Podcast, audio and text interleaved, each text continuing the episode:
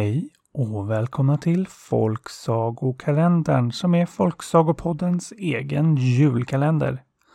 Det är den 16 december och bakom lucka nummer 16 hittar vi Skåne. Sveriges sydligaste landskap. Alldeles längst ner i vårt avlånga land ligger det. Och där har vi ju en av Sveriges största städer, Malmö. Men där finns också Lund och Helsingborg och Trelleborg och Hässleholm och Landskrona. Bjuv, Åhus, Höganäs. Ja, bara för att nämna några platser. Landskapsblomman det är prästkrage och landskapsdjuret det är kronhjort. Och en saga från Skåne kommer här. Det var en gång en räv som var så fasligt hungrig att han bestämde sig för att smyga till en bondgård och försöka se om han kunde hitta någon mat där.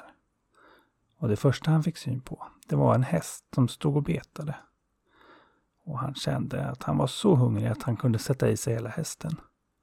Pass upp då häst, för nu är det upp dig, ropade räven. Ja, det kan väl hända, sa hästen då.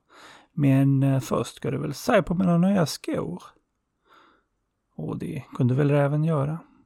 Så hästen ställde sig på framhovarna och med bakhovarna så sparkade den rätt ut så räven flög iväg. Ja, det var en redig blick på de skorna kan man säga. Och räven flög så långt att den landade rakt i en gyttjepöl inne hos grisen. Och där stod grisen och bökade.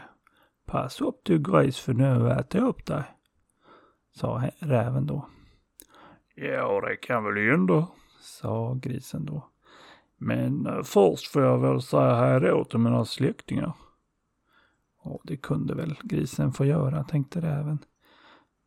Men då började grisen att skrika sitt allra värsta. Skrek den. Så alla de andra grisarna kom sättande i full fart.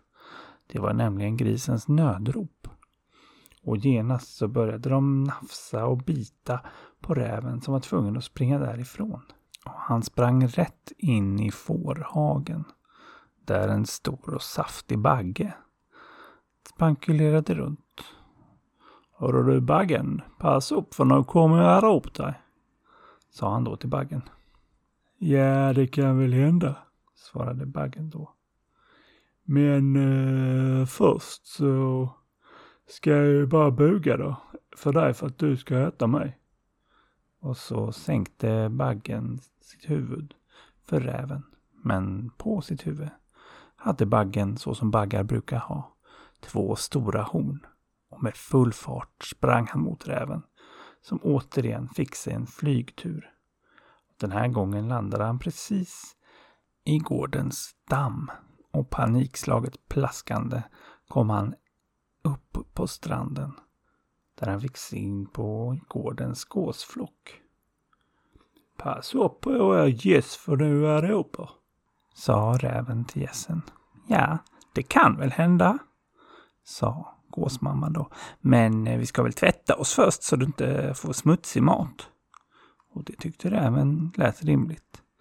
Så gåsmamman tog alla sina små gässlingar och så simmade de längst ut i mitten på dammen.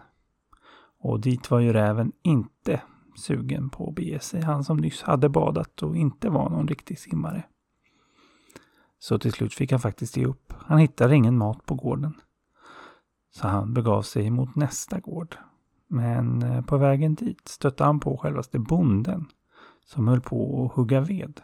Och när han fick se att räven sprang runt på hans marker, ja då blev han rasande. Han ville inte bli av med en enda höna till. Så han svor till och så kastade han yxan efter räven som Shup! landade rätt på rävens svans så den gick av. Ja, nu kände sig räven både hungrig och ful och begav sig djupt, djupt in i skogen.